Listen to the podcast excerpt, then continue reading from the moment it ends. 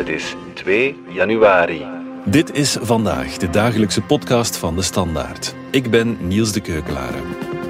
In deze kerstvakantie blikken we als extraatje ook graag terug op het beste van ons weekblad van het afgelopen half jaar. Vandaag krijg je een stuk over Walen die in Vlaanderen werken. Ze zijn met niet veel, amper 45.000. Dat zijn er te weinig, vinden West-Vlaamse bedrijfsleiders die kampen met een tekort aan werkkrachten. Noord-Fransen vinden wel makkelijk de weg. Valerie Droeven hopte eind deze zomer een week lang over de taalgrens, een stuk van 2 september.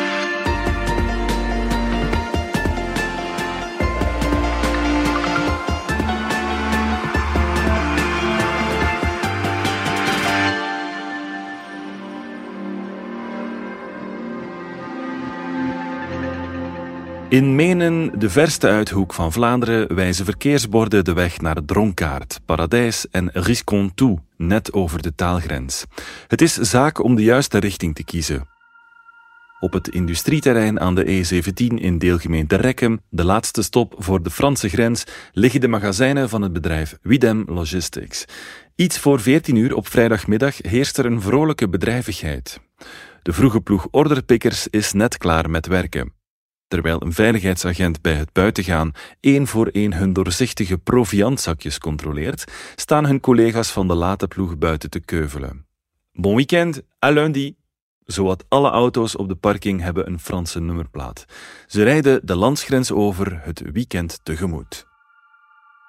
In het interne interimkantoortje vernemen we dat 90% van de arbeiders die in dit magazijn textielwaren en schoenen verpakken uit Frankrijk komt. 90% dat klopt, bevestigt Koen van den Bergen, managing director van Widem Logistics, aan de telefoon. Hij zegt: De Fransen komen vanzelf. In de magazijnen van Widem werken veel jonge mensen. De sfeer is goed. La bouche à oreille is groot. Over vacatures wordt aan familieleden, kennissen en vrienden verteld. Van den Berg zegt: Drie jaar geleden hebben we enkele campagnes gevoerd om mensen in deze regio aan te trekken. Over de taalgrens, ja, maar ook tot in Roeselare. Zonder succes. Dus zijn we de grens overgetrokken. Daar werkte het wel. De krapte op de arbeidsmarkt is in heel Vlaanderen voelbaar, maar in West-Vlaanderen is het tekort aan werkkrachten het nijpendst. De werkzaamheidsgraad, het aandeel van de bevolking tussen de 15 en 64 jaar dat werkt, schurkt in die provincie tegen de 80% aan en ligt in sommige regio's nog hoger. Om de krapte te bekampen zet VOCA West-Vlaanderen voorzichtig talentmissies op naar Mexico en India. Sommige West-Vlaamse bedrijfsleiders vrezen bovendien dat een groot deel van de 13.500 Noord-Fransen die in hun bedrijven werken, straks de landsgrens niet meer zullen oversteken. De Franse president Emmanuel Macron kondigde dit voorjaar forse investeringen in Noord-Frankrijk aan.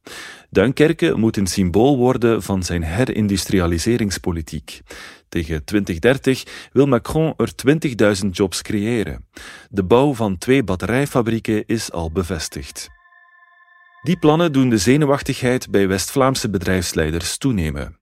Het bouw- en interieurbedrijf Unilin, met hoofdkwartier in Wilsbeke, gaf eerder al aan dat het met handen en voeten moet piano spelen om alle vacatures ingevuld te krijgen. In die context kijken de West-Vlaamse bedrijfsleiders naar Henegouwen, waar de werkloosheidsgraad een pak hoger ligt, maar van waaruit relatief weinig arbeiders de taalgrens oversteken. Er werken amper 6500 walen in West-Vlaanderen. Voka nam het woord hangmat in de mond. Dat ergert de Waalse minister-president Edio Di Rupo van de PS dan weer. Bij een biertje met zijn Vlaamse collega Jan Jambon zei hij een tijdje terug alsof alleen Vlamingen willen werken en Walen niet. Waarom steken Walen zo moeilijk de taalgrens over? C'est à cause du SMIC, zegt Lucille de Klerk. Het komt door het minimumloon. Zij is office manager van een interim kantoor in Moeskroen. Ze zegt: In Frankrijk bedraagt het minimumloon 1747 euro bruto. In België is dat 2563 euro bruto in de voedingssector. Franse arbeiders verdienen dus meer als ze de grens oversteken. En dan is er nog le chômage. De Franse werkloosheidsuitkering is beperkt in de tijd. Als die na twee jaar wegvalt, moeten ze wel aan de slag. Dat helpt om mensen te motiveren. Bovendien is de afstand een groter probleem voor Belgen dan voor Fransen. Mensen uit Moeskroen willen niet langer dan een half uur in de auto zitten, terwijl de Fransen niet afgeschrikt worden door de afstand. Ik denk dat dat zo is omdat Frankrijk een groot land is en afstanden er relatief zijn. In het gesprek met de klerk scrolt ze door de klantenbestanden op haar computer op zoek naar Waalse werkzoekenden die ze in Vlaanderen aan werk geholpen heeft.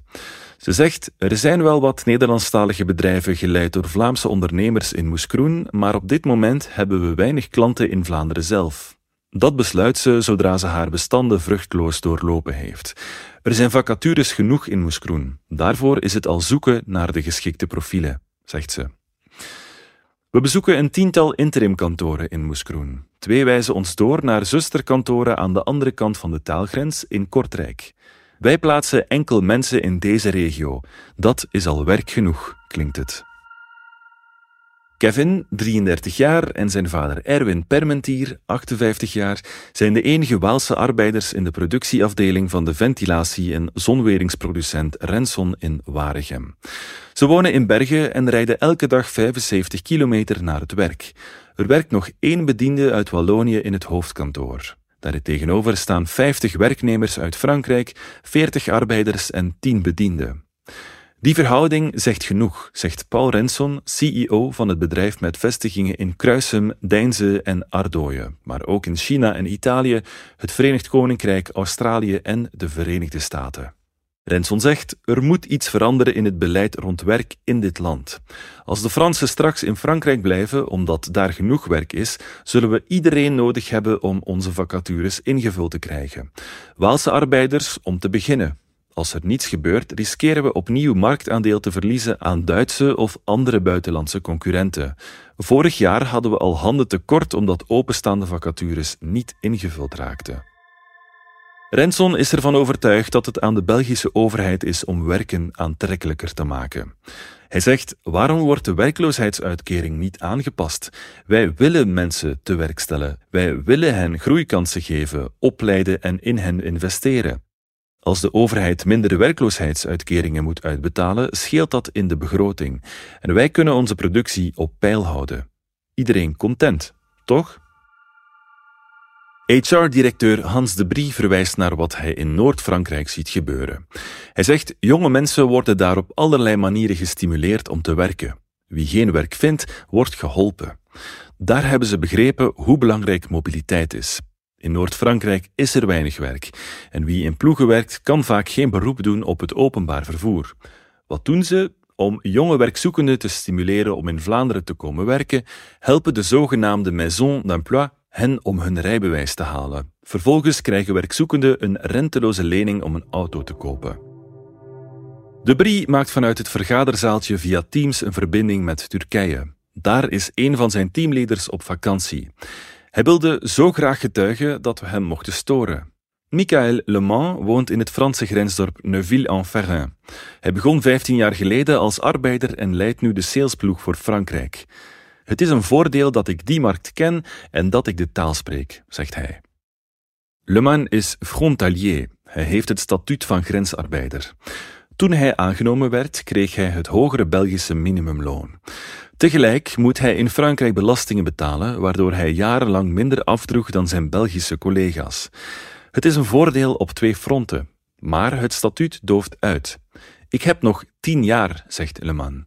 Vanaf 2034 moet ik mijn belastingen in België betalen, maar goed, het voordeel is al grotendeels weggesmolten. De belastingen in Frankrijk zijn de voorbije jaren fors gestegen.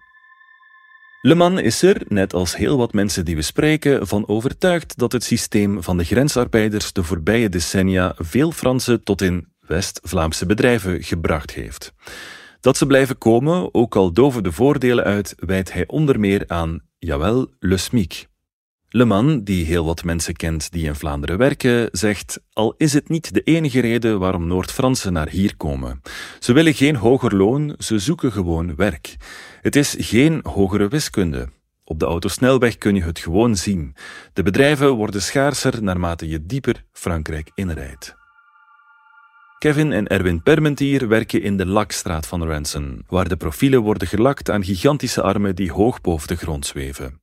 De brie legt uit, ze moeten heel precies opgehangen worden opdat de lakverf overal goed bij kan. Zodra ze gelakt zijn, worden ze in grote ovens gedroogd. Het is warm in de fabriekshal. De brie zegt, in de winter is de temperatuur hier aangenaam, maar bij 30 graden wordt het best lastig. En ja, het is repetitief werk. Dat is geen spek voor ieders bek. Daarom worden deze jobs zeer goed verloond. We vragen geen specifieke voorkennis en geven interne opleidingen, ook in het Frans. Erwin Permentier doet het al jaren, ook al sputtert zijn lijf de laatste jaren soms flink tegen. Acht jaar werkt hij nu voor Ransom. Hij zegt: Ik heb last van mijn rug en mijn knieën. Ik zou kunnen thuisblijven en leven van de ziekenkas maar ik verdien liever mijn eigen centen. Voordien spoot ik raamkozijnen in een bedrijf hier wat verderop. Ik kon het niet zo goed vinden met mijn baas en zocht ander werk. Via een vacature op het internet kwam ik hier terecht. Een jaar later, nadat hij zijn werk als bouwvakker had verloren, volgde Kevin zijn vader naar Waregem. Hij zegt: Toen ik hier begon, was mijn loon amper hoger dan de werkloosheidsuitkering die ik voordien kreeg. Maar het verschil werd steeds groter. En je moet ook echt niet geloven dat ze een werkloze in Wallonië met rust laten. On m'ennuyait vraiment. Elke maand moest ik bewijzen dat ik werk aan het zoeken was. De Forum, de Franstalige VDAB, stuurde me vacatures door, maar als ik dan mijn cv opstuurde, bleef het stil. Al die paparassen, dat is ontmoedigend. Dus toen mijn vader zei dat er hier werk was, heb ik niet getwijfeld. Een Wallon de Mouscroen zal in Kortrijk geen interimkantoor binnenstappen, vult zijn vader aan. Hij zegt, met een bureau in Mouscroen zou je al verder raken. Ach, dit land wordt in stukjes gedeeld en overal zijn er andere regeltjes. Vlamingen kregen een premie als ze werkten tijdens de pandemie, Walen niet. C'est malheureux, maar zo zijn ze het land aan het kapotmaken, zegt hij. Goede werkkrachten vinden, c'est dur partout. Niet alleen in Vlaanderen, zegt Erwin. Zijn zoon knikt. Ik heb veel vrienden in Luik en die zeggen hetzelfde. Ook daar raken vacatures moeilijk ingevuld. Misschien hebben te veel jongeren zin om gewoon thuis te blijven en niets te doen. Of verwachten ze meteen veel van een eerste job. Si on travaille, il faut travailler. Zeker hier. Hier komen luierikken niet aan de bak. Vader Permentier bevestigt. Hij zegt: Er heersen veel vooroordelen tussen Walen en Vlamingen. Heel wat daarvan kloppen niet, maar voor veel Walen blijft de taal de belangrijkste barrière. Kevin spreekt geen Nederlands, op dat gebied heb ik gefaald. Op school heeft hij niet meer geleerd dan tellen tot tien. Ik spreek de taal wel. Mij schrikte dat dus niet af. Omdat ik wist dat hier op de vloer veel Frans gesproken wordt, heb ik hem over de streep kunnen halen. Maar ik kan me voorstellen dat mensen daar bang voor zijn, zegt hij. En ja, het blijft een nadeel. Kevin wil graag chef worden, maar daarvoor moet hij Nederlands kennen. Zijn zoon zucht. Ik heb geen talenknobbel, maar goed, een promotie zou me wel motiveren. Hans de Brie knikt. Boodschap begrepen. Voilà, zegt Erwin als hij ons de hand schudt. Nu heb je twee walen van Renson ontmoet. Nog één vraag voor hij lak gaat spuiten. Zijn Vlamingen anders in de omgang dan Walen? Ja, vader en zoon zijn resoluut.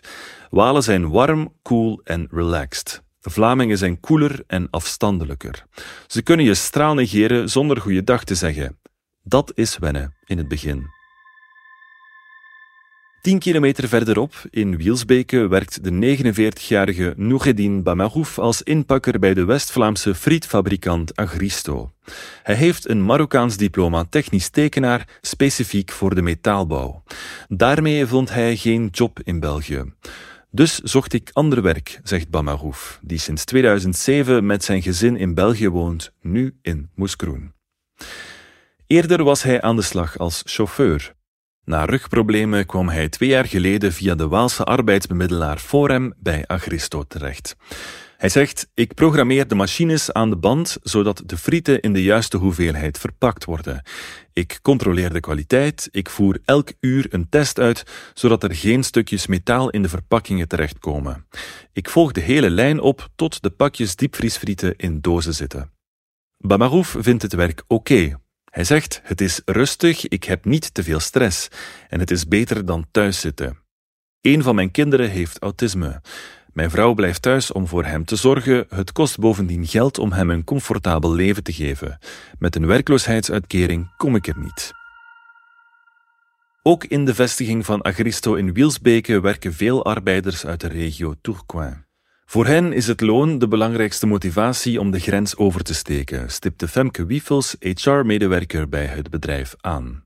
Ze zegt, de salarissen daar komen overeen met onze minimumlonen. Wij werken met Baremas, een beginnende inpakoperator zonder anciëniteit, verdient bij ons 16,66 euro per uur.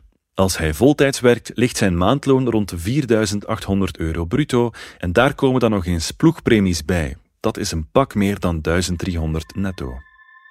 Toch kondigde de frietfabrikant een tijdje terug aan zelf de grens over te steken. De eerste stappen zijn gezet om in Equadeuve bij Cambrai in Noord-Frankrijk een fabriek te bouwen. Het is dicht bij de lokale aardappelproducenten en dicht bij een deel van de afzetmarkt, maar ook dichter bij een gunstige arbeidsmarkt. Het bedrijf trekt niet weg uit Vlaanderen, wordt benadrukt, maar dat in Vlaanderen vooral de technische profielen al maar moeilijker te vinden zijn, speelt mee in de beslissing om ook de grens over te steken. In Houthalen-Helchteren brengt Benedict Lijois, 53 jaar, de dag achter de tekentafel door. Ze is ontwerpster bij de kledingketen JBC en komt elke dag van Beaufait, een deelgemeente van Chaudfontaine, naar het hoofdkantoor in Midden-Limburg. Ze is met de vrouwencollectie van volgende zomer bezig als we haar aan de lijn krijgen. Ze zegt, als kledingontwerper heb je weinig mogelijkheden in Wallonië. Mijn man heeft een bedrijf in het Luikse, verhuizen is dus niet echt een optie. Voordien werkte ik bij Kit Cool in Brussel. Nu rijd ik elke dag ongeveer een uur heen en terug, maar in deze regio zijn er geen files. Dat was richting Brussel wel anders. Ze werkt nu vijf jaar voor JBC, maar heeft haar hele carrière lang grote afstanden afgelegd van en naar het werk. Zonder rekening te houden met JBC-winkels in Wallonië werkt een tiental Waalse medewerkers bij het bedrijf. Er is bewust naar die profielen gezocht. De collectie moet overal in België aanslaan, dus op de sales- en ontwerpafdeling moeten mensen werken die voeling hebben met kleine cultuurverschillen in beide landsdelen. JBC maakt één collectie voor heel België, maar bij haar ontwerpen houdt Lijois ook rekening met de smaak van Waalse klanten. Ze zegt, Walen houden van klassiekere silhouetten. Ze kleden zich doorgaans braver dan Vlamingen.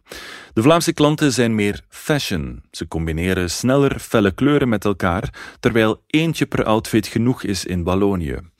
Vroeger hadden we een aparte collectie voor de Waalse winkels, die was heel romantisch, met bloemetjes en tierlantijntjes. Sinds we minder Waalse winkels hebben, is die collectie geschrapt. De verschillen tussen Walen en Vlamingen zijn klein, benadrukt ze. Ze zegt: Ik ben de enige Waalse op mijn dienst, maar ik zie geen grote mentaliteitsverschillen. Eerlijk gezegd worstelen we met dezelfde problemen. We hebben dezelfde bezonjes. Toch kent ze weinig mensen in haar omgeving die naar Vlaanderen trekken om te werken. Ze vult aan: Als ik rond me kijk, merk ik dat Luikse jongeren heel erg op het buitenland gericht zijn. Ze leren Duits om in Duitsland te kunnen werken of kiezen voor Engels omdat ze ervan dromen naar Londen te verhuizen. Het is alsof ze in al hun branie Vlaanderen gewoon over het hoofd zien. In het lokale kantoor van de Waalse arbeidsbemiddelaar Forum in Moeskroen heeft werkzoekende Jérémy D., 31 jaar, een afspraak met Véronique Derieux. Ze is een van de vier adviseurs interregionale mobiliteit in Waals-Picardie. Ze helpt specifiek Waalse werkzoekenden om werk te vinden in Vlaanderen. Daarbij geeft ze voorrang aan beroepen waaraan geen tekort is in Wallonië, maar de eindbeslissing ligt bij de werkzoekenden. Jeremy is al een jaar werkloos. Voordien was hij in Menen monteur van fietsenrekken. Hij zegt, maar ik ben metselaar en wil echt weer in de bouw aan de slag. Het liefst in Vlaanderen, want dat betaalt beter. Ik heb al vijf jaar gewerkt, ik ken de mentaliteit, ze schrikt me niet af. Een auto heb ik niet, maar naar Menen ben ik vijf jaar lang met de scooter gereden. Ik vermoed dat dat bij een volgende job ook lukt. Terjeu acht de kans groot dat Jeremy snel een job zal vinden. Ze zegt: mensen die gemotiveerd zijn om te werken en de taalgrens willen oversteken, komen snel aan de bak. Als het goed loopt, heeft hij binnen een maand een baan, schat ze. Ik zie hem vanochtend voor het eerst en hij heeft al twee sollicitatiegesprekken gepland. Thérieux, die tweetalig is, heeft een uitgebreid netwerk van werkgevers in Vlaanderen. Ze ziet soms koudwatervrees bij Waalse werkzoekenden om de taalgrens over te steken. Ze zegt: dan overloop ik met hen waar die vandaan komt. Soms is het zoeken naar een oplossing om ter plaatse te geraken, soms worden er bedrijfsbezoeken georganiseerd, want onbekend is onbemind. De struikelblokken zijn vaak minder groot dan gedacht. Het is mijn job om hun twijfels weg te nemen en een weg rond hun obstakels te zoeken. Niet veel later stuurt Derieux een mail. Goed nieuws, Jeremy heeft werk gevonden. Hij begint maandag te werken in Vlaanderen. Dit was vandaag de dagelijkse podcast van de Standaard. Bedankt voor het luisteren. Volg ons op Spotify, Apple Podcast of eender welk ander podcastplatform. Alle credits van de podcast die je net hoorde vind je op standaard.be-podcast. Reageren kan via podcast.standaard.be.